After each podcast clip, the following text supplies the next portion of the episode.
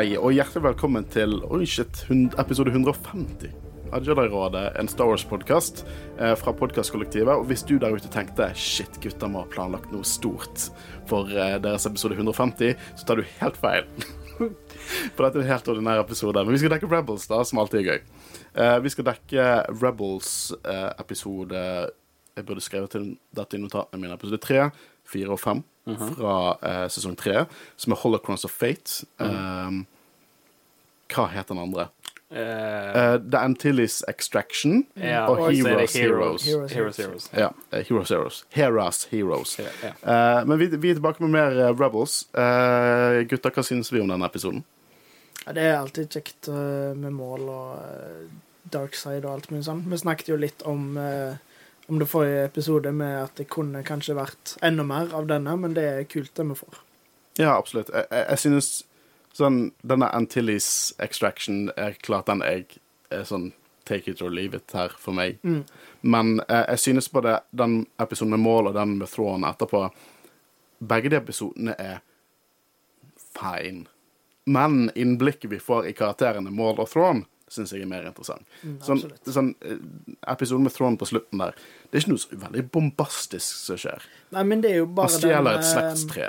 ja, altså, andre eller tredje skikkelige episoden med Thrawn òg, så vi får jo stadig liksom drypp av Kim Thrawn er, Mm. eh, karakteren hans. Det, det er litt sånn, Hvis Thrawn hadde blitt introdusert nå, og ikke blitt gjort i Rebel, så tror jeg det har gjort det litt mer bombastisk enn det som vi har på en måte sett nå. Jeg har liksom ikke sett det mest badass av Thrawn, selv om han har noen kule eh, øyeblikk her. De bygger det opp. De bygger det opp. Ja. Jeg syns egentlig det er tre gode episoder, jeg. Eh, det, det er så veldig artig når jeg skal se dem, så uh, min eh, kone Marie, hun eh, ser jo Gud, så voksen du er. Eh, hun ser jo veldig mye på anime, eh, og var med i Vision sesong to-episoden vår. Eh, og eh, hun liker å se det på originalspråket, så jeg merket jo halvveis inn i episoden at jeg så de, de, den første episoden her vi snakker om, eh, på japansk. Opp, det oppdaget jeg ikke. Så, så du Rebels-episoden på Det japansk? første halvdel av uh, målepisoden så jeg på japansk. la ikke du Uten, merke uten, uten å merke det. Bare- jeg- så- Japansk mål, liksom? Japansk mål. For at jeg er så vant med å se på OnePiece for tiden. Og vi ser det kun på originalspråket. Ja. Uh, og liksom, jeg greier ikke å catche det. Eh, men jeg endret jo språk da, midt i, for å kunne være litt mer med på hva de snakket om. Det er derfor du ikke kan quote noe. Du hører på japansk Star Wars. Ja. Eh, men eh, jeg syns det er tre gode episoder. Denne her første vi snakker om, den går jo litt eh, videre inn på Sitt Holocron, som vi har snakket mye om i de to Det er forrige kul ny lore law her, egentlig. For Eh. tidspunktet det kom ut. Det er gammel law nå, men eh, Ja. dere kjører. Mm. Og eh, de, den, den neste, holdt jeg på å si, med, med Sabine og eh, The Academy, holdt jeg på å si, den eh, er, Den er helt OK. Det Det er så gøy. Men jeg syns vi får Det er gøy å få litt sånn der hint av hvem Tron er i neste episode. Du leser, de, ser de, Mm. de bygger han sakte opp og viser hvor smart og intellektuell han er. Det er for han bygger, de, han bygger de sakte opp. Ja. Men det er andre ting de ikke bygger sakte opp. Nei, nei, nei. Men jeg føler òg det at det bygger opp, det er på en måte det som definerer de første Mm. episodene. Og det bærer preg av at det er liksom helt i starten av sesongen, og de Ja. introduserer nye ting, for det er ganske forskjellig fra sesong Ja, 1 og 2. allike- jeg, jeg har jo snakket nå, nå, nå har vi på en måte sett inn neste epi tre episodene. Forrige uke så snakket vi om de to eneste episodene der Ezra går dark side. Og det eneste dark side han har her, er at han er litt irritert, for han vet ikke hvor Seth Holocron endte opp. Ja, men så merker du òg at på en måte, mål uh, har en effekt på han. Ja. Han kommer med blinde spøker. liksom. Han kommer med blindespøker mot Kanan. De er allerede der.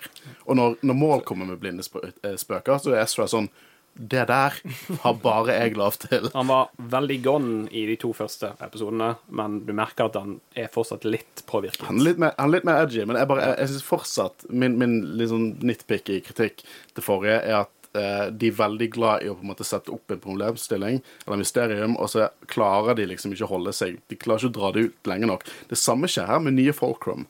De, de, de viser i begynnelsen av en episode å shit, er en ny Folkrom etter Asoka. Dette er ganske big. Hvem kan det være? Ja, de viser det i denne episoden. Det, det er et mysterium som tar 20 minutter, og det kunne vært bygd veldig kult opp.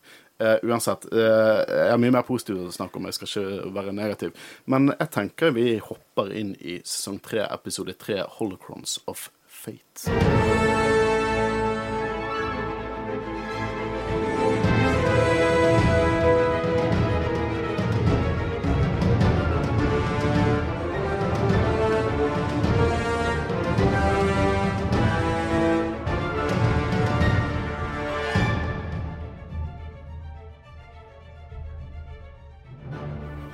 De begynner jo med Holocrons of Fate. Eh, Og jeg eh, nevnte jo litt i introen. eh, Ezra stiller jo spørsmål til Seth Holocron. Hvor er den? Hvem har den? Hvorfor i helvete ble vi sendt til Malachor? Hva, hva gjorde det for oss? Og hvorfor ble de sendt til Malachor? Jo, det var liksom en nøkkel for å knuse The Sith. Men, men er dette bare kryptisk Joda som sendte han de der, og så er det en løsning som bare han vet, eller har dere noen tanker på det? Det er jo eh, et sted han måtte være på den tiden. Ja, så du For- tror det er World Between Worlds, shenanigans? Ja, altså Ikke umulig at de bare sånn, Han måtte være på, der på det tidspunktet for å lære om ting, og det endte opp med at Asoka møtte Vader der, og sånne ting. Og Du kan jo eh, egentlig tilsi at det var på en måte der eh, Nå har jo vi sett Asoka kind of fullføre treningen sin i Asoka, men det er på en måte Det er litt det der du må møte din eh, mester, i hvert fall det første steget av den reisen for Asoka. Um, de kommer over en sånn ødelagt hammerhead, uh, og jeg liker detaljen om hvordan Ezra undervurderer Kanan litt. Grann, forklarer alt han ser og sånne ting. Og det, er- det er et koselig øyeblikk. Det er liksom Apprentice prøver å, å være en klippe for sin mester nå. Eh, og når de kommer på skipet, så får de høre Red Blade, og, uh, og de antar jo at det er en Inquisitor, men vi vet bedre. Det er Maul, som har tatt hele Ghost-crewet uh, til gissel. Sammen med sine idiotiske Happy Mandalore droids som ikke er en trussel whatsoever. Hva syns vi om Maul i denne episoden? Han har liksom Han er ikke Han peaket for ganske lenge siden, Det er litt cartoony, eh, på godt og vondt. Han er, Det så er- han er litt sånn Scooby-Doo-villen, liksom. Jeg vet ikke helt. Han, han han virker litt um, sånn desperat i blikket. Ja, Han er desperat. Han er jo en desperat gammel mann. Ja. Og han, er, han har ikke så høye ambisjoner uh, Nei, som han, kanskje hadde han, før. Han har bare ett mål. Ja, et mål. Så jeg, jeg følte den passet der. Uh, jeg eh, må si at, at Jeg tror jeg nevnte det i forrige episoder, men jeg elsker hvordan Maul snakker til Ezra. Som sier 'hei, min nye apprentice'. Som skal prøve å liksom tvinge han inn i den rollen som han har forutsett for han. Eh, og jeg, eh, han er visst ute etter sitt holocrone, og han vil drepe vernet hvis han ikke får den. Og eh, fuck it, han vil ha Jedi-holocrone i tillegg. Eh, og det er jo det denne episoden går veldig mye inn på, disse hol holocron law, rett og slett. Um, det, hva er det å si, da? Det, vi får jo se at han er på uh, The Ghost og, og liksom snakker med crewet. Uh, det jeg syns var mest interessant her, er jo det at uh, han refererer til at han var teknisk sett Mandalore på et tidspunkt. Og når dette kom ut på dette tidspunktet, så hadde ikke vi sett Siege of Mandalore.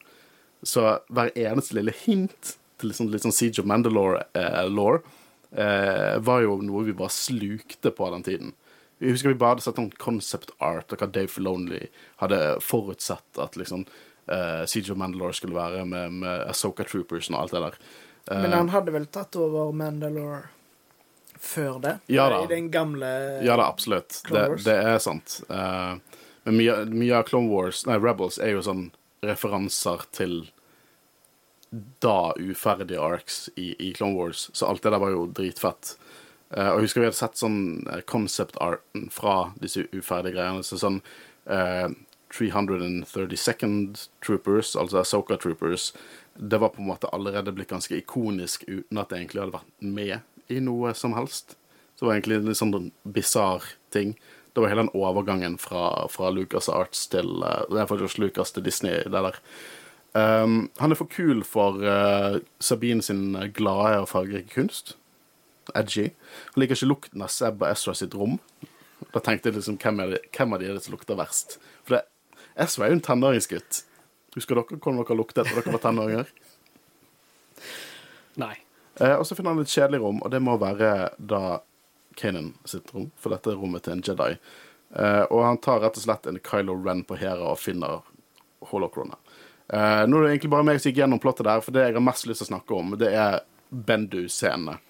Det er liksom ikke så mye annet i episoden. Det der the the meat and potatoes av denne episoden er Bendu-scenene. Ja, det eneste ellers er at jeg syns det er veldig gøy med banteren mellom eh, Maul og crewet. Ja, absolutt. det, det, det er litt sånn comic reliefen der, men uh, Kunne gjøre narr av han at han er Ja, jeg, jeg, jeg liker hvordan eh, Hera svarer han, på en måte. Det, jeg- det smiler. Men uh, absolutt, det er, det, er, det er Bendu som på en måte er det vi må er jo verdt å diskutere. Hva faen er latteren til Bendu for noe? Jeg skrev det ned her. Ha-ha-ha-ha! Det er kjempeteit, men jeg elsker det. Og selvfølgelig når de på en måte For det er Ezra og, og Kanan, de skal jo finne Sith Holocron, så de må jo Hvor var det de hadde den sist? Hos Bendu. Og så ser du han bare komme sånn super eh, cartoony hånden hans inn fra skjermen og bare plukker opp den der eh, thumperen de har for å stoppe edderkoppene. Han er ikke fan av de, eh, men han er dritkul. Bare revealen hans her er nesten mer episk enn den første revealen han har. Og med den ekko i stemmen, det, det bare Jeg viber skikkelig med det. Ja, det er kult uh, lagt. Og den karakteren passer utrolig godt med den artstylen til, uh, til Rebels. Ja, hvordan kan vi forklare det? Nesten litt sånn Water Buffalo-type ting. Det er det jeg uh, trekker Veldig ut Veldig ancient, liksom Ja. stort. Og eh, liksom man vet Man kan ikke tenke hvor gammel han er. Ja, han har en gammel sjel. Ja, det er liksom sånn Jeg skulle gjerne sett Joda Yoda interagere med han. Men er det noe lignende som uh, The Father, Son and Daughter? At det er en slags gud, eller er det bare en Jeg tror det er en slags gud. Jeg tror det, jeg tror det er paralleller der, absolutt. Vi ser jo senere i Rebels at det er, det er mer enn alminnelige force powers med denne duden her. Ja, f- ja. Ehm, jeg skulle til å si det samme. I forhold til hva jeg husker. Ja, jeg tror, ikke, jeg tror ikke vi skal hoppe for langt av. Det kan hende noen av de første gangen folk ser Rebels er her. Ja. Men ehm, uh, han forteller oss litt om Holocron Law, da. Uh, for at Ezra han skjønner ikke hva er så big deal, det er ikke bare bibliotek. Og sånn, nei da, det kan være mye mer.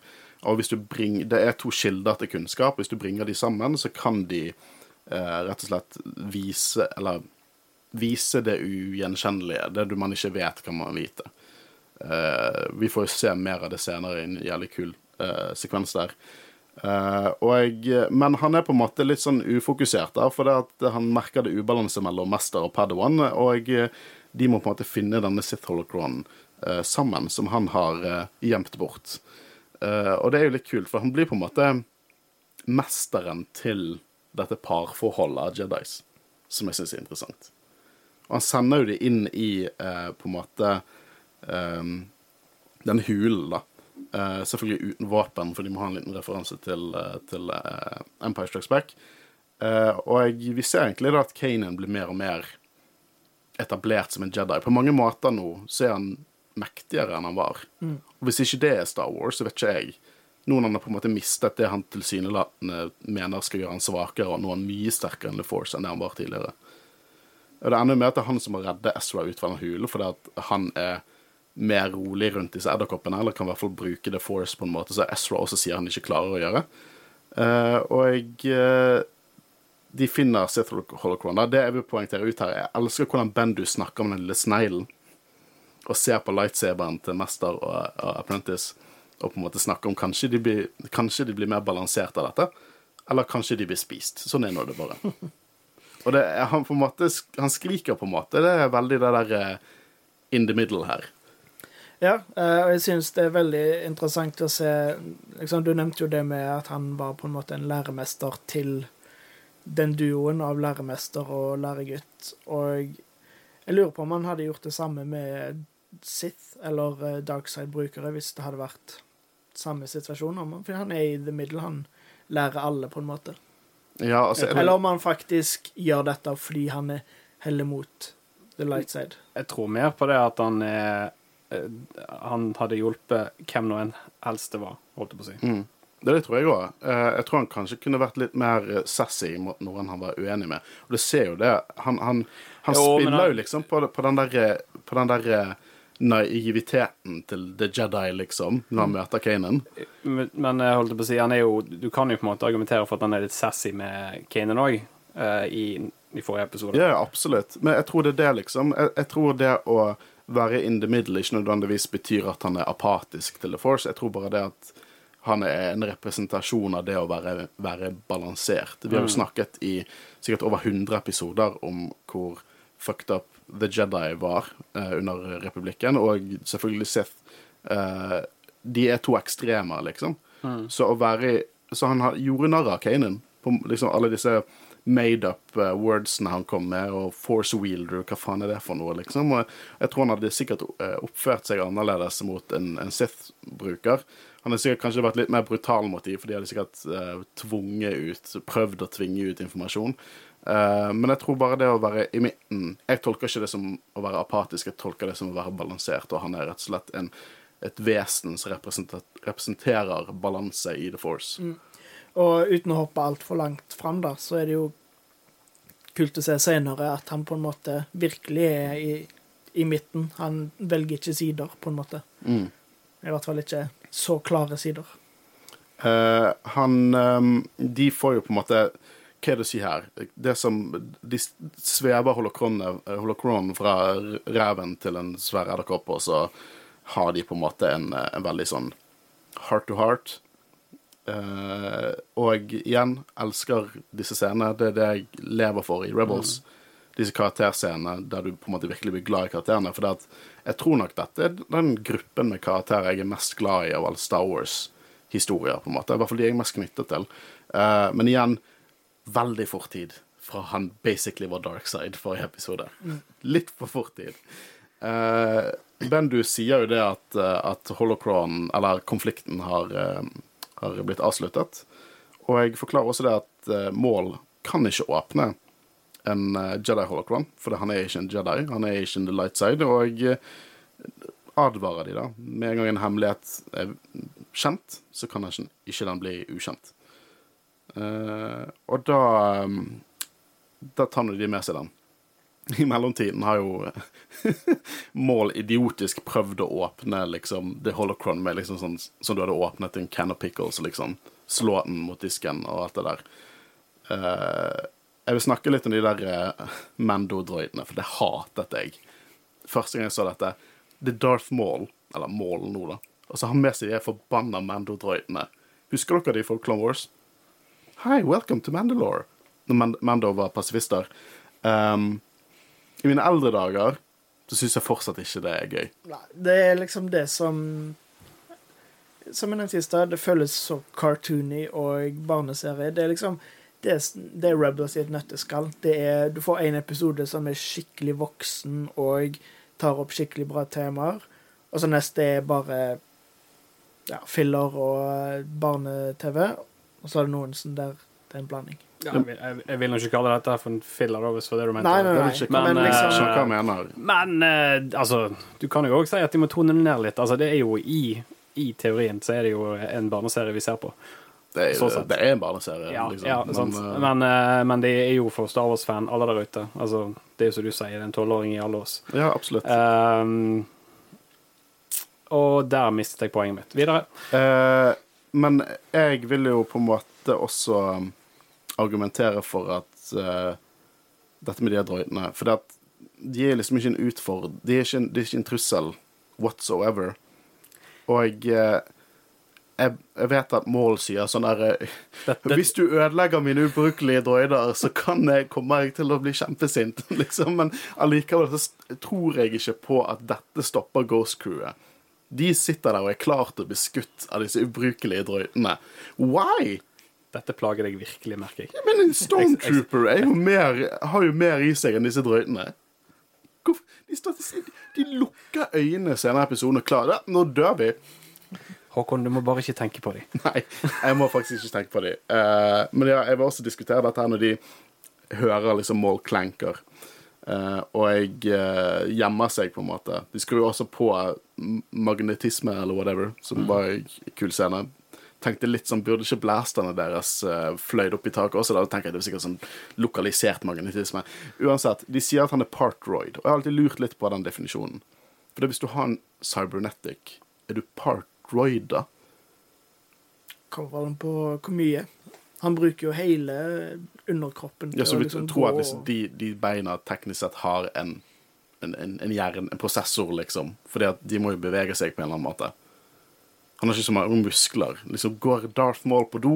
Har han utlagt tarm? Det liksom Det har ikke dere tenkt på?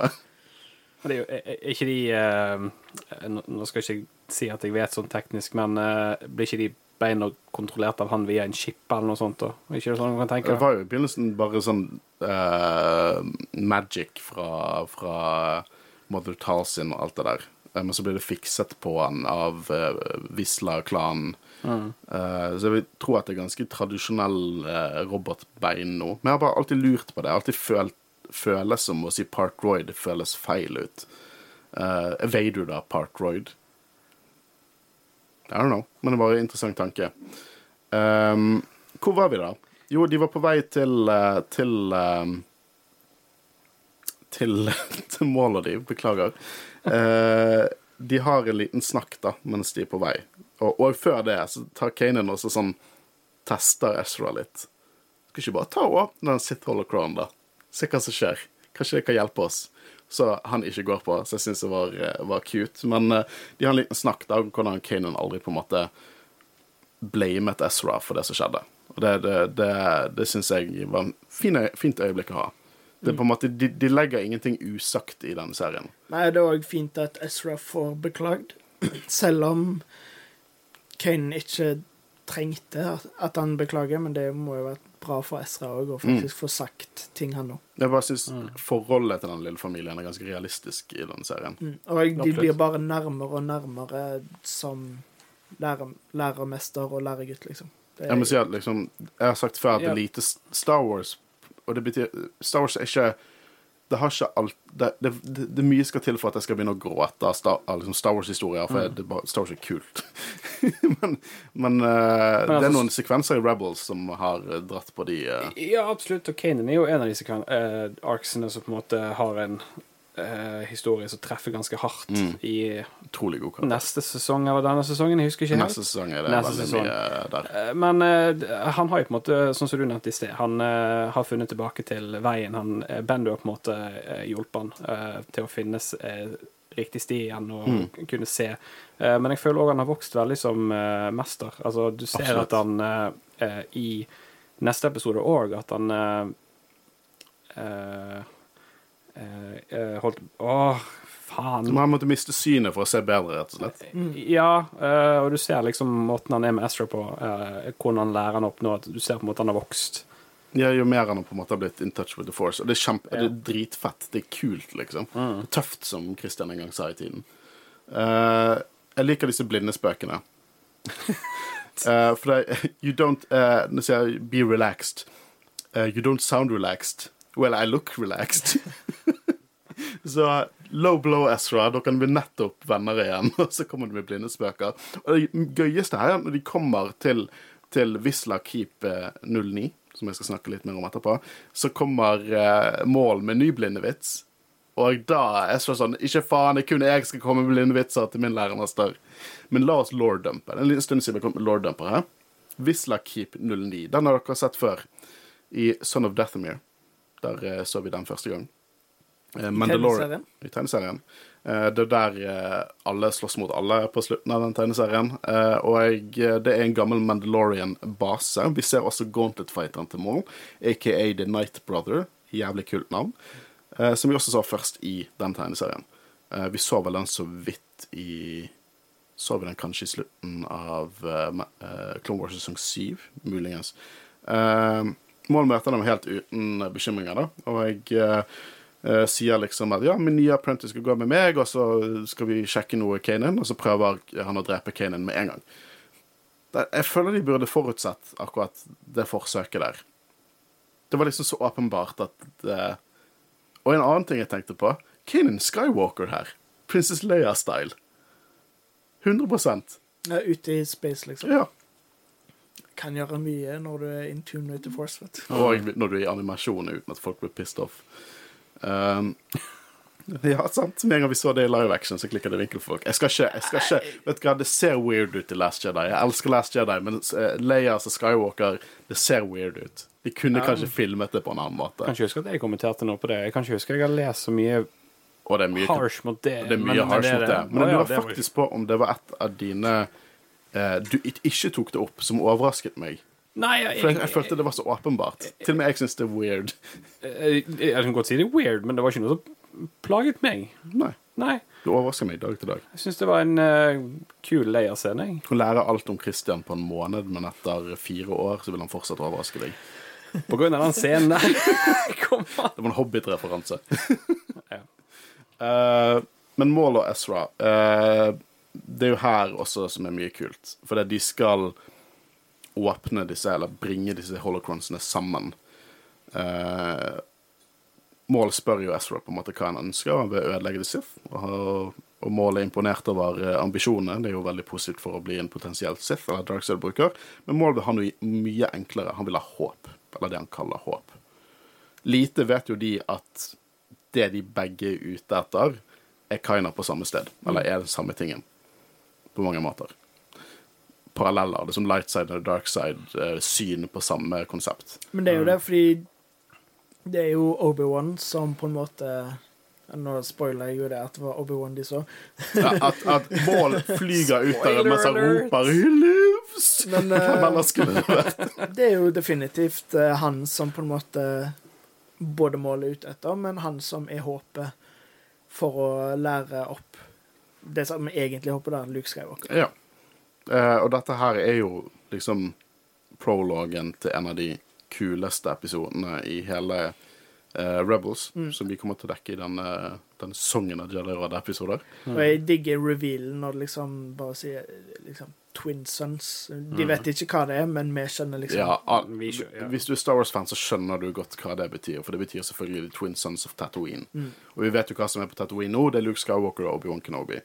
Eh, som du sier, nøkkel til å knuse til Sith, og jeg potensielt eh, dette håpet til mål.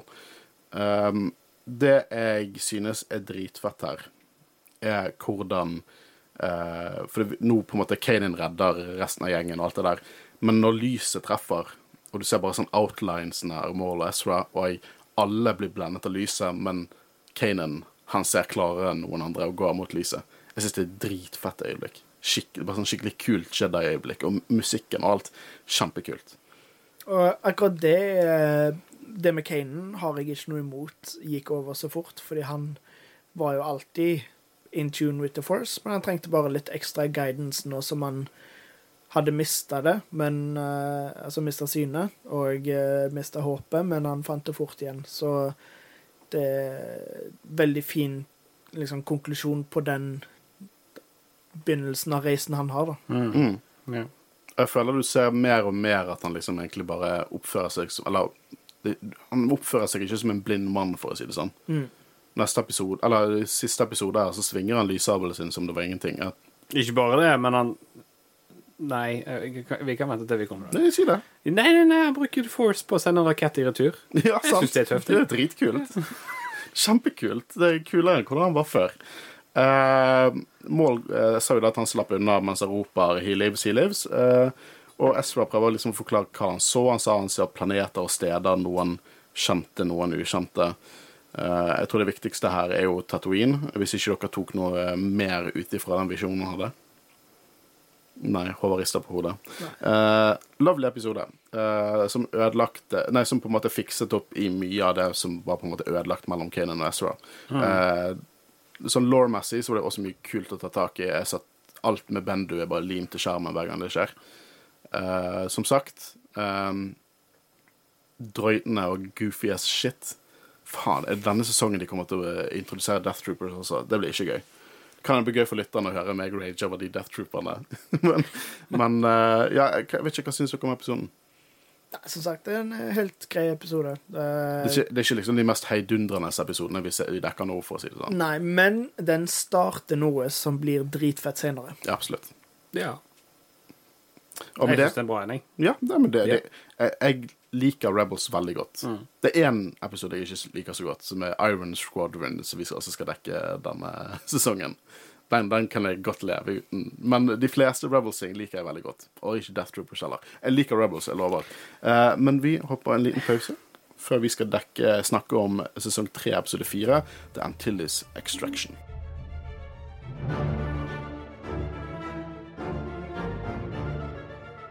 Så, episode fire, The Antilles Extraction. Uh, dette her er jo en sånn stor uh, vi, eh, vi bygger opp mot originaltrilogien-episode. Med noen ikoniske I hvert fall én ikonisk. Hobby er ikke så ikonisk.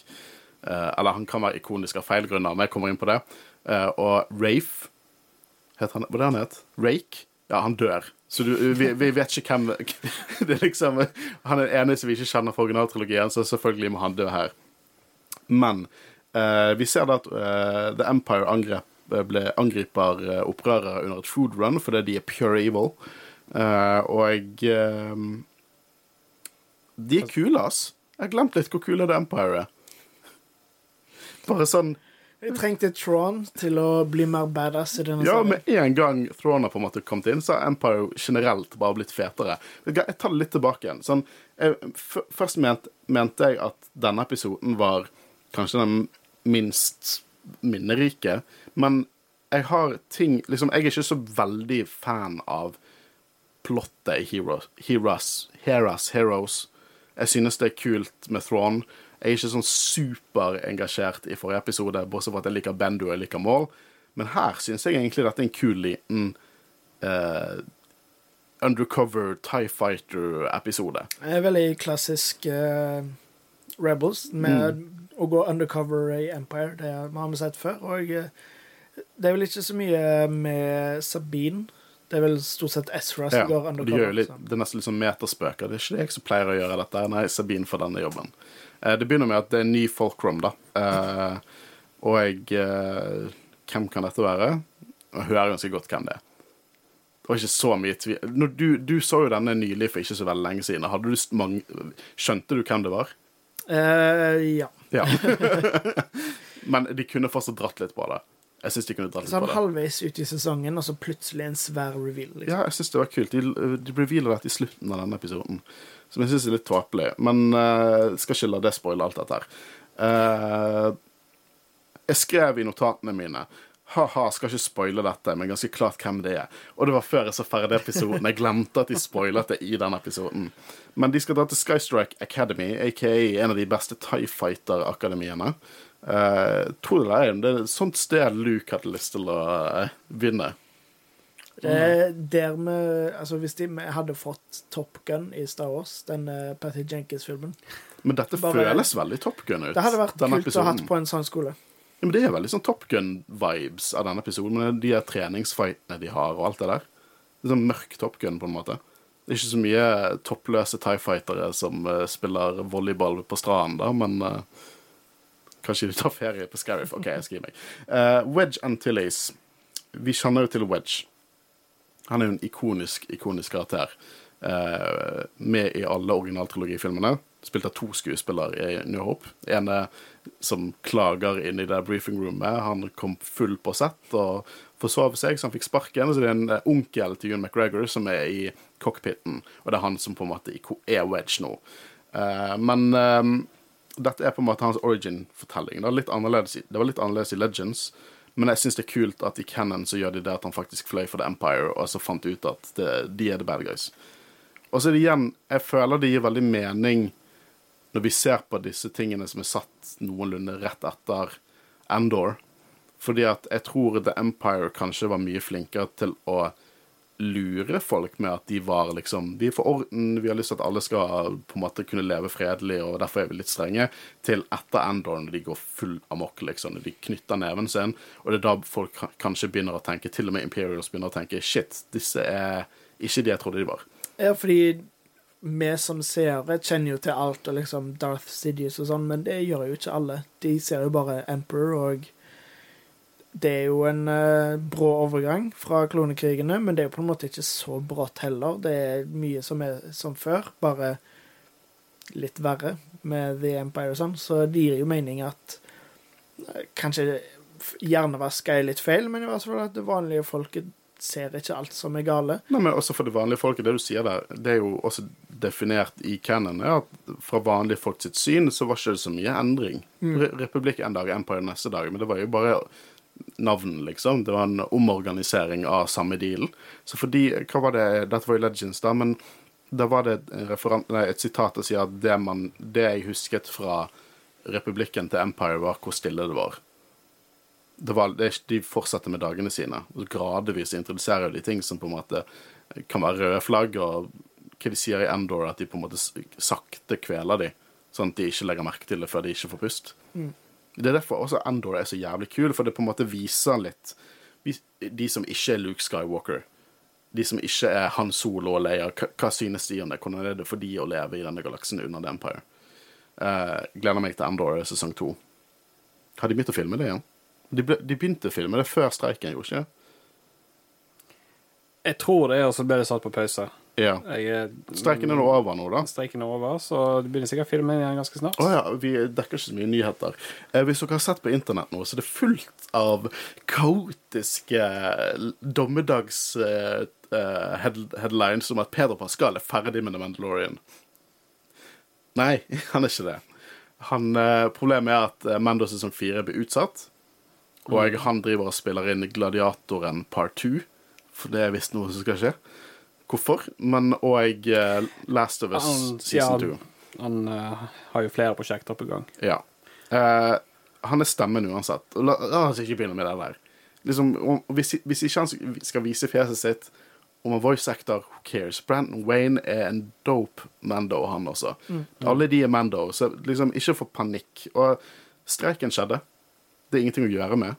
Så, sånn, sånn er det, liksom, og det var en viktig streik, i min mening.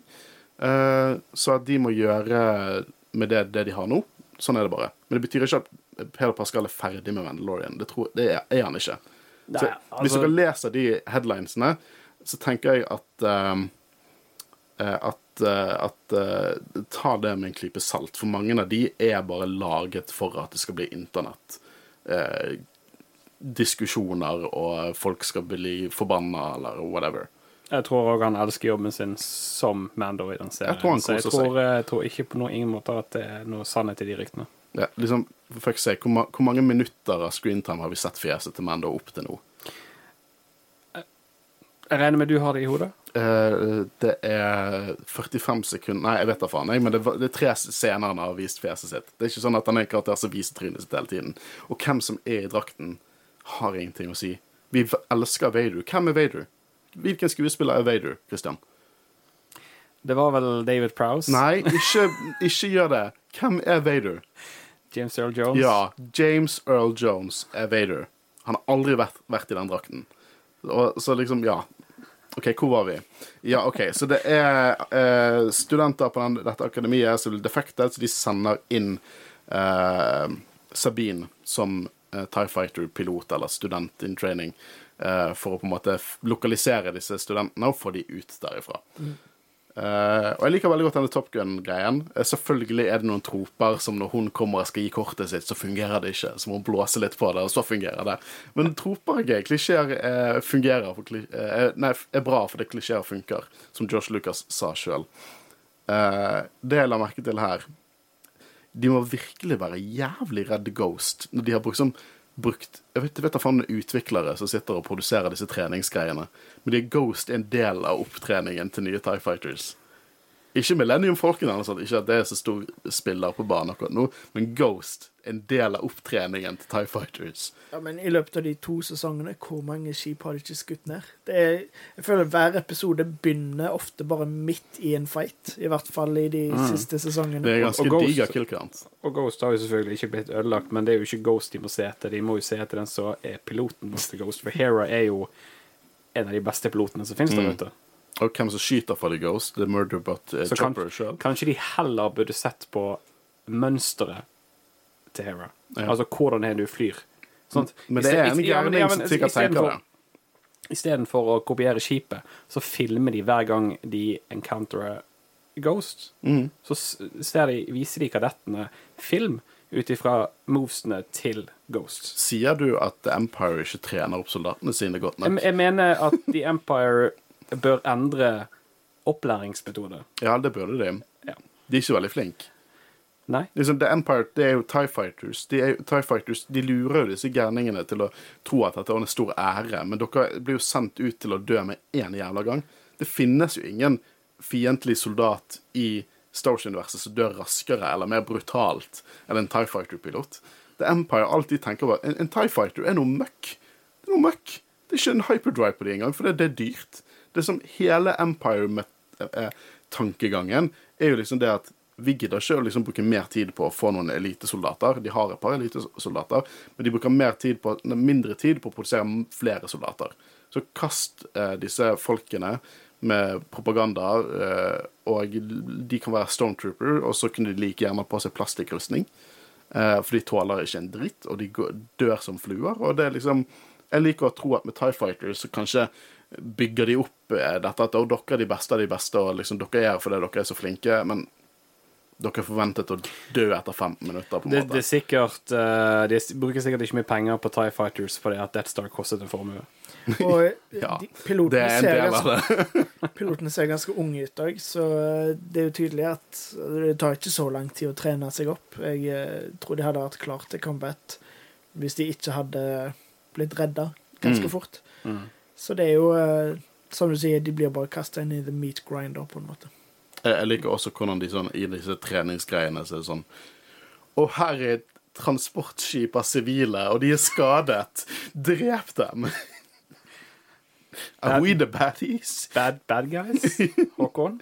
Ja, det er ikke så mye å forsvare der. Eh, Vi får også møte Wult Skerris, en hotshot instructor, som har en uncanny eh, Han ligner veldig mye på astronauten Chris Hadfield. Jeg klarer ikke å ikke se Chris Hadfield med den barten og alt det der. Når du sier det. Eh, men han er en kul karakter. Jeg tror det var han vi så i begynnelsen som fikk meg til å tenke at Empire var kule. eh, fordi han, han, er bare, han er bare sånn Han har bare sånn grøff, evil-looking britisk stemme.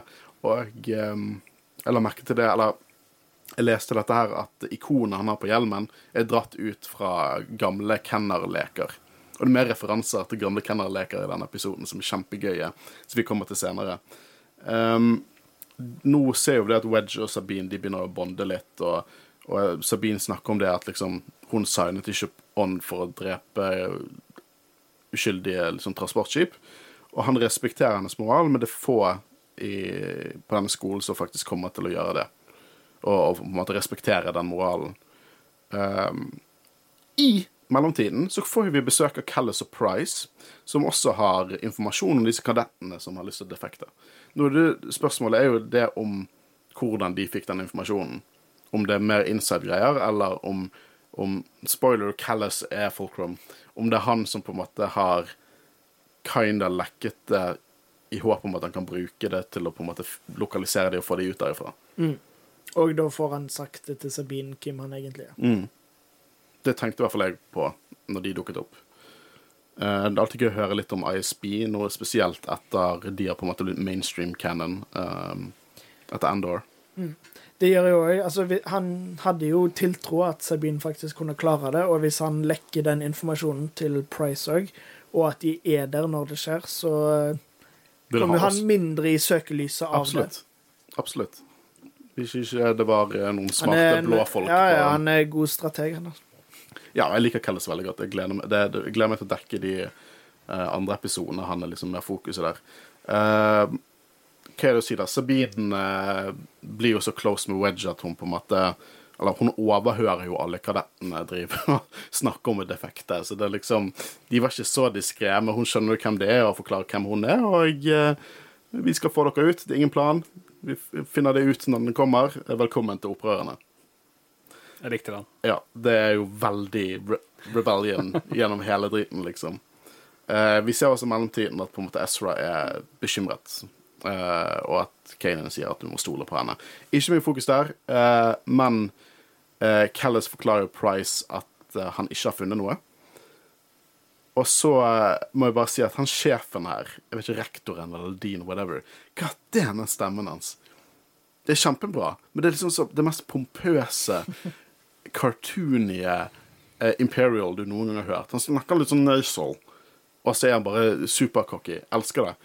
Eh, så hvordan de skal finne ut av dette her, da, og her kommer den Kenner-referansen jeg er mest eh, glad i. De skal sende ut squadrons eh, til space for å på en måte klare å finne forræderne. De skal sende ut dem med treningsdrill, og så venter de at opprørerne dukker opp. da.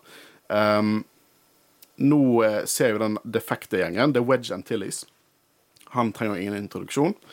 Eh, og så har vi Derek Hobby eh, Clivian, aka den dårligste delen av Empire Strikes Back. Den ene dårlige delen av Empire Strikes Back. Det er han som sier 'Two fighters against a Star Destroyer'. Er det han, ja? Ja, det er han. Det er Hobby. Uh, han hjalp faktisk Big Starklighter og defekte fra The Empire, så han lærer mye her. For Biggs eh, var jo med The Academy og, skulle fly for The, The, Empire der. Han skulle også være Red Six i slaget over Yarwin. Eh, Red Six var, eh, var Porkins. Eh, rest in peace. Uh, og så har vi tredjemann, Rake Gary, som dør. Han, han, har ikke dukket opp i noe annet. Det er han. Han, han dukker ikke opp i originaltrilogien, så han dør her. Men Sabine skal få de ut, uh, og de har liksom ingen lasere, så det blir sånn treningsfight. Men når opererne dukker opp, så tar de og de som skal defekte, de flyr mot opprørerne. Og så tar Price og bare trykker på en knapp, så flyger vingene av. Og det er den Kenner-leken av Tie Fighteren. Der trykket du på en, For det skulle liksom eksplodere. Hvis du trykker på en knapp av Tie Fighter-leken, så bare falt vingene av. Og de faller av akkurat på samme måte her, in universe. Ja, det er en gøy eh, referanse. Ja, det er dritgøy. Og det, det, det gøye er at disse Tie Fighterne i Rebels animasjonsstil er litt sånn anatomisk ukorrekt. de proporsjonene er feil, for det er en annen animasjonsstil. Og de minner også mye om hvordan Tie Fighter-lekene så ut, der de på en måte ikke var så store vinger og stor, stor som kuppel. Uh, det er enda mer at de blir fanget igjen. Uh, skal vi se her Ja. Det er Price som skal torturere. Hva er det å si her, da? Jeg tror Price og Dead Ramero hadde vært gode venner. Uh, og Wedge roper ut navnet til Sabine, så da har hun et navn. Uh, jeg vet ikke hvor mye det er å si annet enn at jeg setter mer pris på Price nå når jeg ser det igjen, enn første gang jeg gjorde det.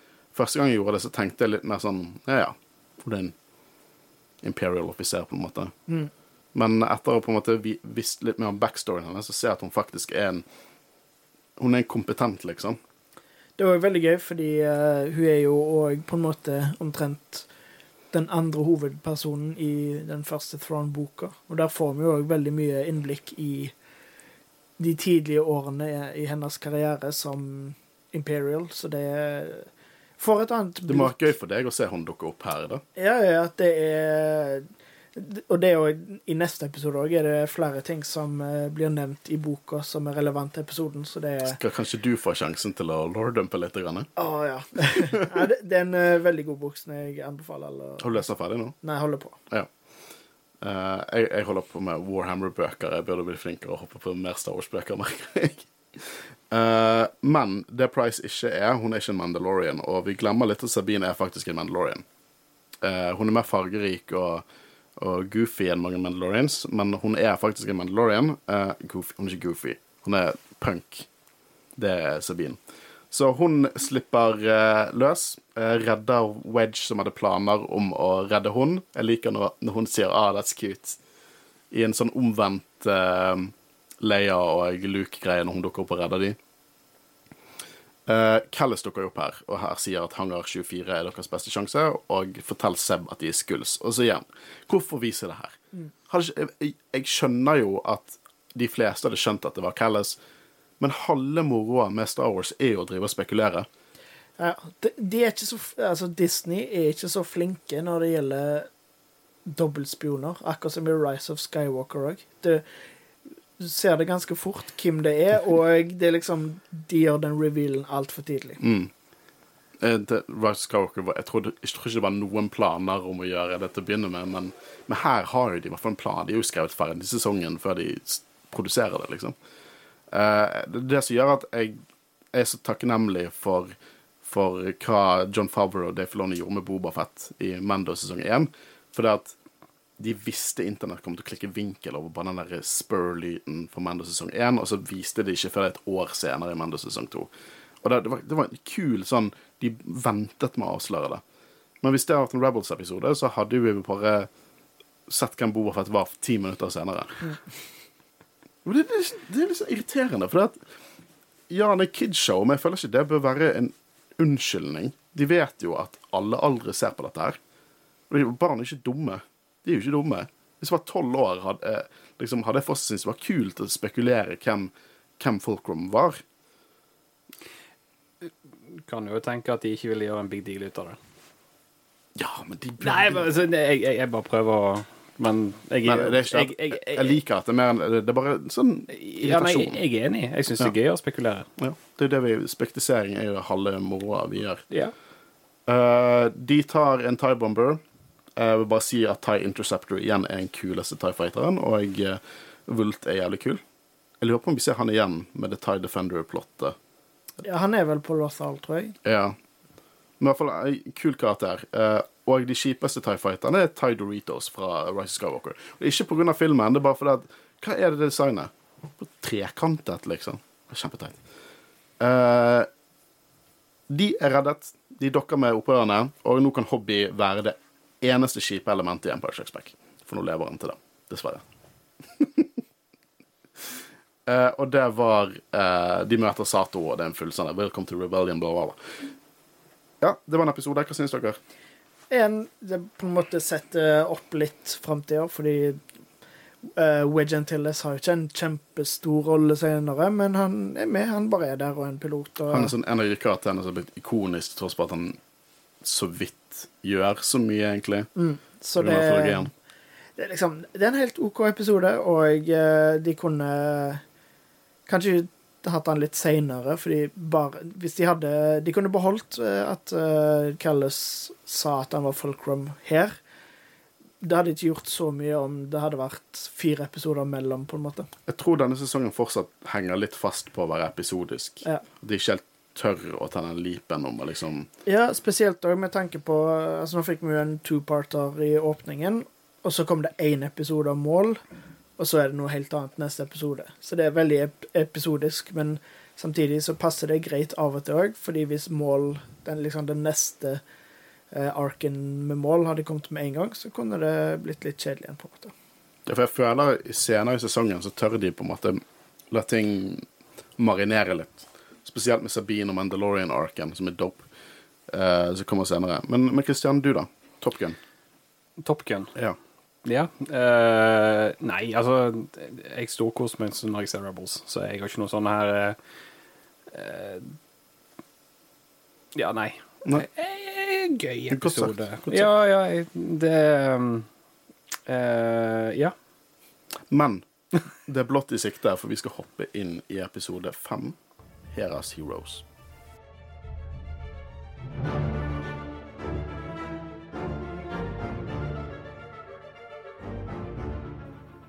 Så episode fem, Heras Heroes. Det er Hogan, Hogans Heroes, referanse til. Um, vi møter opp med Cham Sundula og Numa. Dere husker Numa fra Clone Wars og tidligere Rebels. Uh, hun som hadde bånd med Waxer og Boyle. Eh, og noen fucked up blurgs. De fungerer virkelig ikke i Rebels-stilen. uh, det første jeg tenker på her for Når vi, når vi så Cham sist gang, det var jo i Rebels sesong to? Eller én? To. Jeg tror det var to. Uh, og da var jo det på en måte en stor sånn kontrovers fordi at den episoden kom ut etter Lords of the Sith-boken, der han var en stor karakter. En veldig kul karakter i den boken. Og så kom episoden ut, og så var han en totalt kronidiot og ikke matchet bokkarakteren sin i det hele tatt. Eh, det det viste seg, var jo at denne episoden var skrevet og produsert før boken kom ut. Eh, så det var der det var noe krøll. Denne gangen så tok de til seg den kritikken, og han er mye mer lik bokkarakteren sin. Eh, mye mer lik. Nå kan det også sagt, sant skal sies at Cham matchet i den episoden. I Rebels matchet ikke sin Clone Wars counterpart veldig mye heller. Så om, om Dave og hans writers er 100 frikjennes, det vet ikke jeg helt. Eh, men det er kult å se i hvert fall at de, de har på en måte De prøver å ro seg inn med på en måte law da, eh, her. For han er mye mer den frihetskjemperen som vi kjenner fra boken i, i, i denne episoden. Ja, og nå har de jo allerede Det var vel den forrige gang vi så han, var vel når de stjal det store skipet. Ja, og han Um, gikk helt uh, Han, AWOL. Og, ja, så det gir jo òg mening at han er litt annerledes nå, fordi han har på en måte sett hva han gjorde feil, og på en måte Undervurderer ikke sin datter lenger. Nei, ja, og, og har et bedre forhold til datteren òg, generelt. Mm. Så sånn sett så gir det jo mening at de er litt forskjellige hvordan karakteren blir fremstilt. da. Ja. Og vi ser egentlig bare at Ghost kommer til the rescue. Uh, kul We're Not Landing-sekvens. Uh, og jeg uh, Ja, hva faen tenkte den scout-trooperen på? Hva var planen der? Han så veldig klar ut i ett sekund, og så så han hvor fucked han. Og når Seb sier 'sorry, kid, the, the kid wants your helmet', uh, det er sånn Jeg viber så sykt med akkurat det, for jeg hadde tenkt akkurat det samme hvis jeg var Ezra. Jeg har ikke det outfitet, jeg trenger det. Uh, vi får jo vite det at The Tan Province, der Hera sin familie hadde huset sitt, uh, er nå tatt over The Empire. Og sist, sist gang vi så Cham, vi dekket en episode med Cham, det var jo med Bad Batch. Og det er kult å se litt sånn referanser til moren i denne episoden, når vi har sett moren såpass mye i de episodene i Bad Batch. De gir litt mer kontekst eh, til det. Så det jeg liker med disse Rylot-episodene, spesielt etter Bad Batch, er at det, gir meg betraktelig mye mer eh, å se det. Så problemet her er jo det at de har en Captain Slavin, som er selverklært nemesisen til Cham Sundula, som har vært en kronidiot, helt til han plutselig bare ble effektiv, for den merkelige grunn. Hvem er det som gjør, eller Hva er det som gjør at han plutselig er effektiv? Um, og de har lagt en base i huset deres. Så hele dealen her, dette var en personlig oppdrag. Uh, Hera vil ha en Calicori. Calicori det er en Twi'lek slektstre, nærmest å kalle det. Hver på en måte, uh, hver på en måte generasjon legger til en kunstnerisk brikke i dette slektstreet. Så det på en måte er kunst som representerer deres hus eller familie. Kan bli kjøpt på Galaxy's Edge. så nå kan du angre, Håvard, på at du ikke kjøpte en Calicory. Eh, Sabine liker Sabine setter pris på, på dette her, da. Uh, og fin scene når alle på en måte finner ut at de skal hjelpe henne med dette personlige oppdraget. For det er jo ikke essensielt. Det er ikke veldig viktig.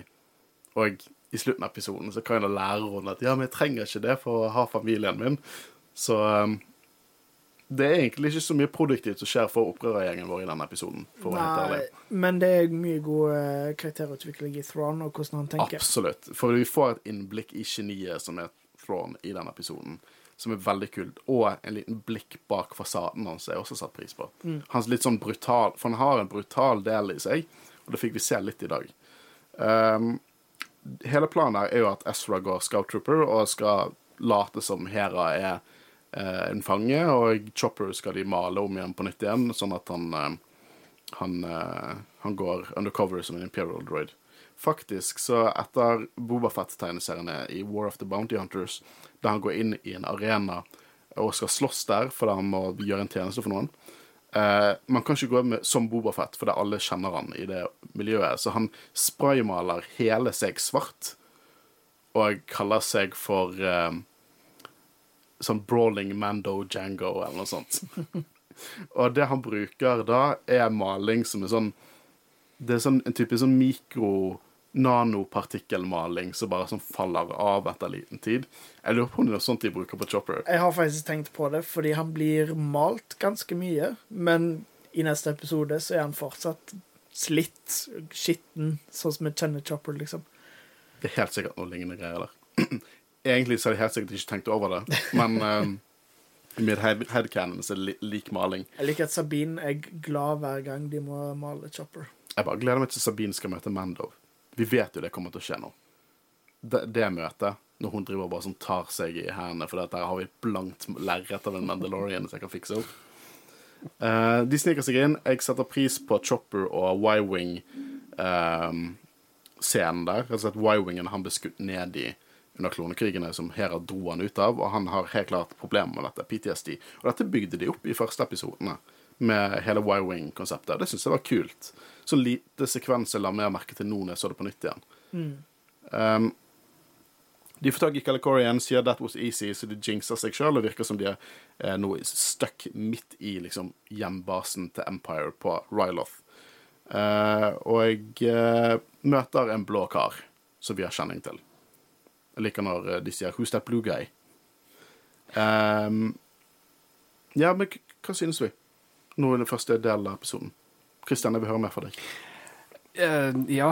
Har du noen interessante tanker? Uh, jeg kan sikkert komme på noen. Merker lavt blodsukker. Jeg, jeg må ja, men du, Så jeg, jeg, må skjerpe meg. Lurer på om jeg skal kjøpe inn sånn uh, sn Det Snickers. Ja, av, av og til. Jeg husker av og til, jeg tror det er et par innspillinger, så du har sjokolade på bordet. Ja, det, det, er faen meg ikke ofte. Det er på sånn høyprofilerte episoder. Det er noe sånn Fast Star Wars, så bare passe på at du har godt blodsukker.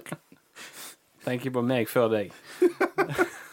Uh, nei da, altså du, du, ser jo Tron. Uh, de uh, prøver å bygge den sakte opp. du merker hvor utspekulert og smart han er. og så er det jo gøy med tanke på, sånn som du sa Who's that blue guy? De vet jo ikke hvem han er. og du, du, må tenke også fra deres perspektiv hvor sjeldent det er å se en alien hos The Empire. Mm. Ja. men ja Og så um, Jeg er ikke så interessert i hva som skjer med Seb og de. De har en liten morsom sekvens der uh, der Cham sier liksom Å, det er ingen som kjenner dette landet bedre enn meg, og så blir de angrepet med en gang. Um, hva er det som skjer her? De, de på en måte hopper tilbake igjen til Hera. De. Jeg liker når Chopper skal lage en diversion, så bare går han bort til Stormtroopers og bare lager lyder. det er litt sånn komisk. Det, ja, men Chopper har noen gode sekvenser i denne episoden. Chopper er konge. I hvert fall på slutten når han saboterer hele basen mens han ler. Sånn, nå skal jeg drepe et par hundre Stormtroopers. Um, det som er kult her, er jo når Hera går rett på Thrawn og slaven. Uh, og hun later som hun er en slave, da, og han vil se hva hun har i hendene. For den uh, Calicori, Calicori, Calicori Som er egentlig basert på det, for han vet hva dette er.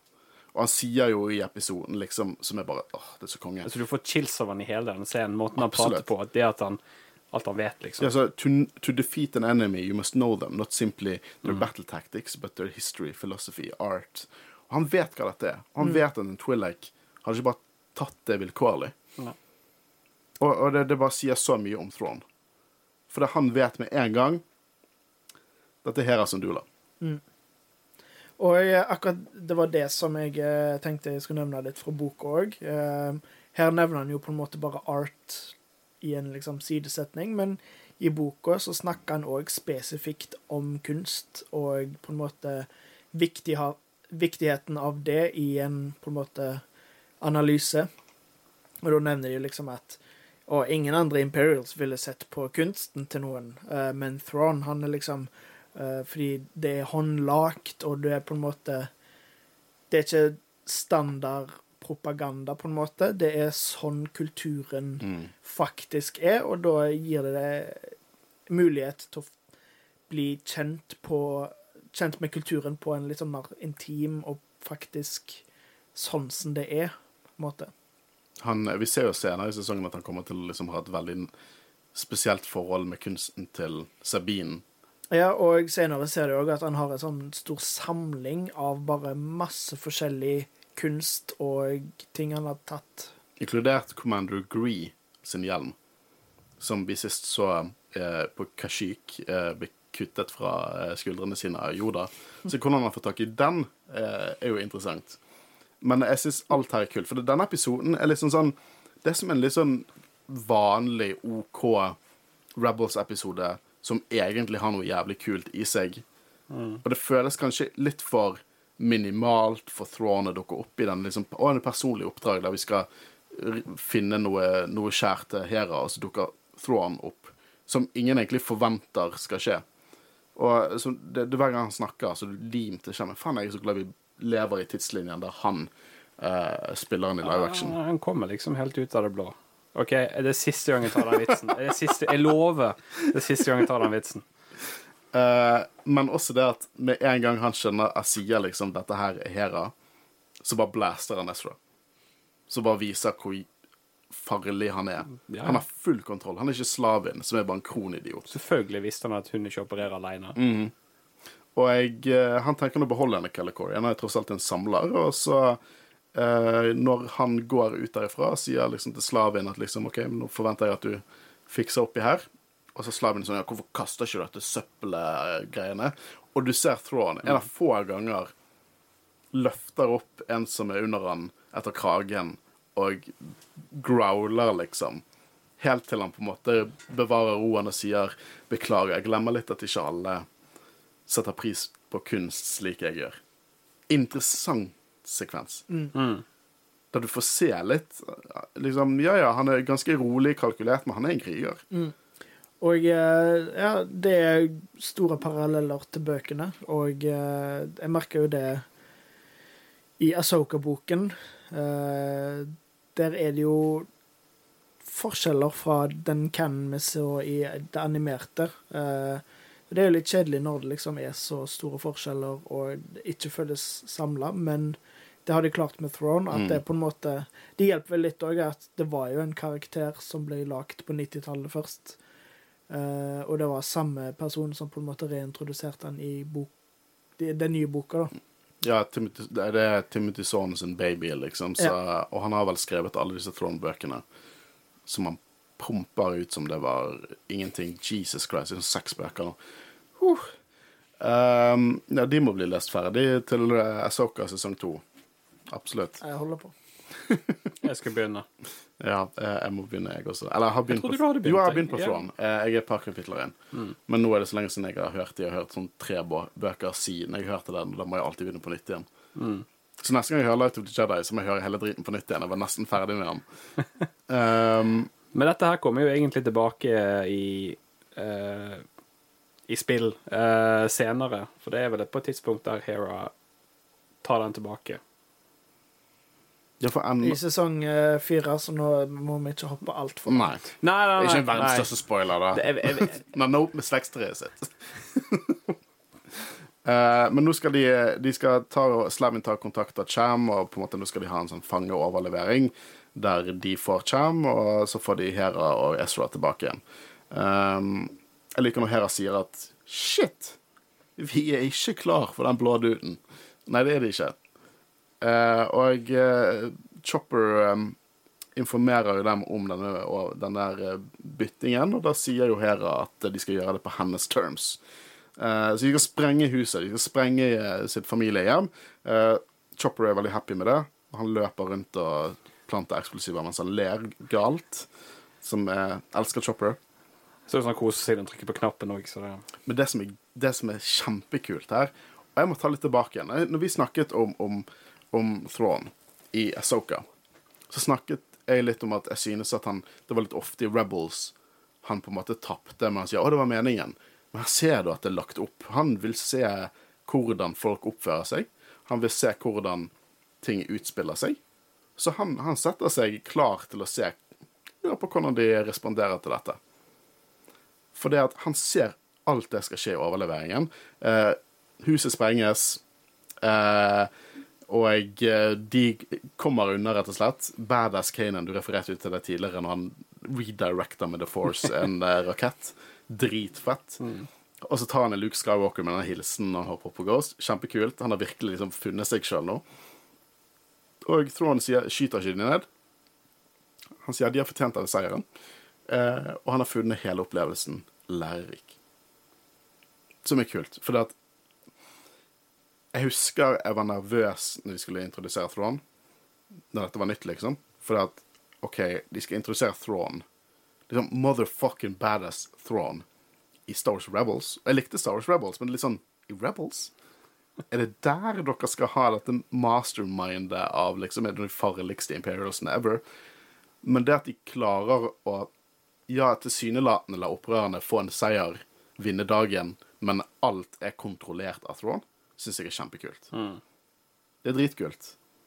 Og jeg, det er alltid, alltid en OK episode, men innsikten i Thrawn sitt geni det er det som på en måte gjør dette verdt å se for, for, for min del.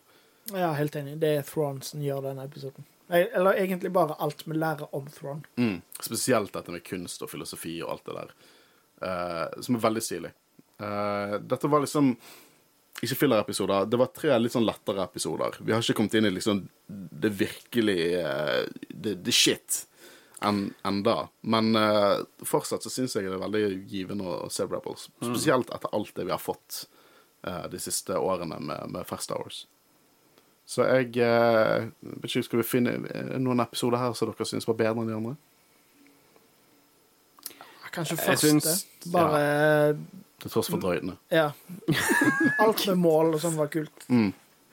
Ja, altså, det er jo en fin episode foreshadow noe som skjer seinere.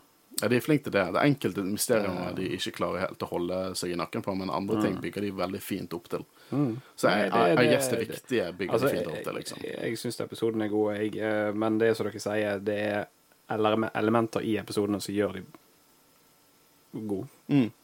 Nei, Som gjør de til, som gjør de til mer enn fillers. absolutt. Eh, eh, Som sagt, første gang vi så Space Whales Alle på internett skrev, skrek fillers helt til vi så Asoka og Huyang gå inn i en jævla Space Whale og dra til en galakse Eller en planet i en annen galakse. Hvis folk synes at den episoden var en filler, så så de ikke samme episode. Fordi vi lærte så mye om hvordan Ezra på en måte har kontakt med andre vesener og alt mulig sånn.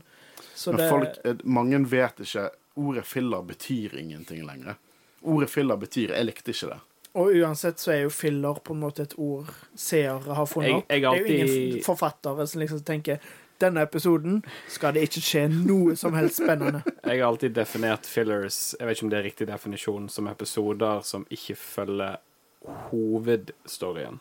Ja, men jeg, jeg, bare, jeg har hørt Altså så det mange er side, side missions og side stories. På en måte. Det er det jeg har definert fillers med. da, Men da har ikke nødvendigvis filler en negativ Nei, ikke for meg. Jeg, jeg, jeg bryr meg ikke om det er filler så lenge det er noe bra. mm. Ja, og jeg, jeg sånn Jeg syns det er gøy meg, å jeg, har litt, jeg har litt samme Jeg, jeg, jeg syns det er gøy å utforske. Altså, Universet er stort. Det fins mye der ute. Hvorfor ikke Men jeg tror det, jeg tror det faktisk stammer fra uh, anime, uh, der de på en måte hadde De måtte fylle opp så og så mange episoder, så det er episoder som ing, oh, ja. ikke så mye skjedde. Uh, men du er mer ekspert på dette enn meg. Jeg vet ikke om dere har hørt uttrykket one pace. For de som ser One Piece, så fins det noe som heter One Pace, For det er onepiece.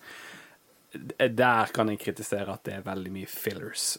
Hva syns du om live action-serien, forresten? Live action-serien av hva? Onepiece? Ja. Eh, overraskende bra. Altså, å lage live action av anime har jo ikke Et, Historisk sett sånn vært det en- de har klart liksom, for wackiness. Ja, altså, det har ikke vært noe sånn historisk suksess å lage live action av anime, men Onepiece det er faktisk veldig godt gjennomført. Men nå har jo de hatt god kommunikasjon med han som lagde Onepiece. Jeg husker ikke helt hva han heter. Sier han japansk. ja, jeg husker ikke helt hva han heter. Men eh, han har jo vært involvert og på en måte eh, eh, gått gjennom med de, altså Mm. hvordan det skal på en måte gjøres. Og ja, lang historie kort, de har gjort det veldig bra. Ja, det er kult. Eh, Jeg tenkte å se den ut. Guro syns den var litt silly. Onepiece. Ja, men jeg, I, I can jam with silly. Uh, det er katastrofe i, hos Jedi-rådet, by the way. Stor, stor katastrofe. Vi mangler 43 ratings for at Kristian Christian skal, eh, skal klippe skjegget sitt i løpet Kanskje, av 2023. ja, men kanskje det egentlig ikke var stort nok. Kanskje vi egentlig må gå bigger. Kanskje vi må si at alle skal shave oss. Det er jo fint. Det er ikke så mye å tape. Se på hodet til Håvard. nikker. Han er så engasjert. Har sett han så engasjert. Men dere vet hva det betyr. På Spotify, vet du hva, gi oss en rating hvis ikke dere har gitt det før. Hvis vi får det opp til 300, barberer vi den. Ja. Filmer Ja, det greier. jeg, ja, ja, jeg kan gjøre det sjøl, altså, men Nei. Jeg skal, skal Guro sitte og filme mens dere to står med bærøvel? Ja, Håvard holder fjeset ditt, og så tar jeg med høvel. Det går fint. Vi er veldig eh, skånsomme. Men eh, kom igjen, eh, vi mangler det. og Vi hadde satt veldig pris på det. Selvfølgelig, vi skal ikke klage på at vi har 257. Nei, vi er de som har Ja, oss men det, det, jeg syns det er mye, eh, og jeg setter veldig pris på det. Setter selvfølgelig pris på alle som hører på oss. eh, Og eh, nå vet vi at eh, det er nok mer hardcore Jedi-rådet-fans som hører på disse episodene. Men vi setter pris på dere som hører på. Og så kanskje Asoka har gjort at Asoka, nei, Rebels blir litt mer populært. Vi merket jo det etter Disney Pluss kom og Mando kom, at Clone Wars-episodene våre ble mer populære. Så vi håper vi får ha noen nye, nytt crowd her med oss også. Og de er i hvert fall hjertelig velkommen. Det blir mer Rebels for oss. Jeg kan også ta og reveale uh, hva som blir vår julespesial i år. Fordi at vi lurte på hva vi skulle dekke. Vi er på en måte ferdig med det som er bare sånn åpenbart crap av, av der ute, liksom. For vi kunne dekket Clone Wars-filmen. Vi er ikke særlig fan av den. Men jeg tenker sånn, Clone Wars-filmen, Det som er dårlig med den, er bare at det er tre middelmådige arcs som er dyttet inn i en film. Så det egner ikke seg som en film. Og vi er fan av Clone Wars, så vi føler Jeg følte i hvert fall at det ble litt feil å på en måte drikke oss litt, eh, litt eh, happy på voksenbrus og snakke dritt om Clone Wars. Det vil jeg ikke. Eh, så vi går litt annen sti denne gangen. Mer cozy. Vi skal dekke filmen Fanboys fra 2009, mener jeg. Eh, som egentlig er en ganske koselig Star Wars metafilm. Den skal vi dekke som julespesial. Så gjerne se den, sånn at dere vet litt hva vi snakker om. Vi lover vi skal ikke bli like fulle som i fjor. Nei, For langt det er definitivt den dårligste episoden vi noen gang har laget. Uh, ikke hør den. Ikke verdt å høre den. Det er ikke bra. Jeg vet noen kommer til å høre Nå skal jeg høre oss nå og tenke å, da skal jeg høre den. Nei, det er ikke verdt å, høre den. Hør de andre julespesialene fra tidligere og De har vært bedre. Eh, men det blir Fanboys i år, da. Så eh, den eh, kommer dere til å, å finne der dere hører podkaster når det begynner å nærme seg jul. Uansett, mitt navn er Håkon Øren. Jeg har sittet i studio sammen med Havrus? Og Christian Aspen. og Vi snakkes neste Haugen Aspen. Jeg har bytta navn. Har du byttet navn? Ja. Eller Marie har tatt mitt navn, og jeg heter nå ikke Haugen lenger. Jeg Heter hun Marie Aspen, og du heter Kristian Aspen. Haugen? Så Haugen, okay. Haugen er vekke. Og hennes navn er vekke. Og så begge Haugen. Nei. Aspen. begge Aspen. Aspen. Okay, Marie Aspen. Aspen og Kristian Aspen. Så Nei. nå må vi endre på beskrivelsen òg. må jeg endre på alle de Du, andre må- du må gå tilbake og endre på alle. Over 150 episoder. Nei, nei, det holder med denne. Ok, greit. Jeg skal huske det. Snakkes neste uke. Ha det bra. Ha det bra.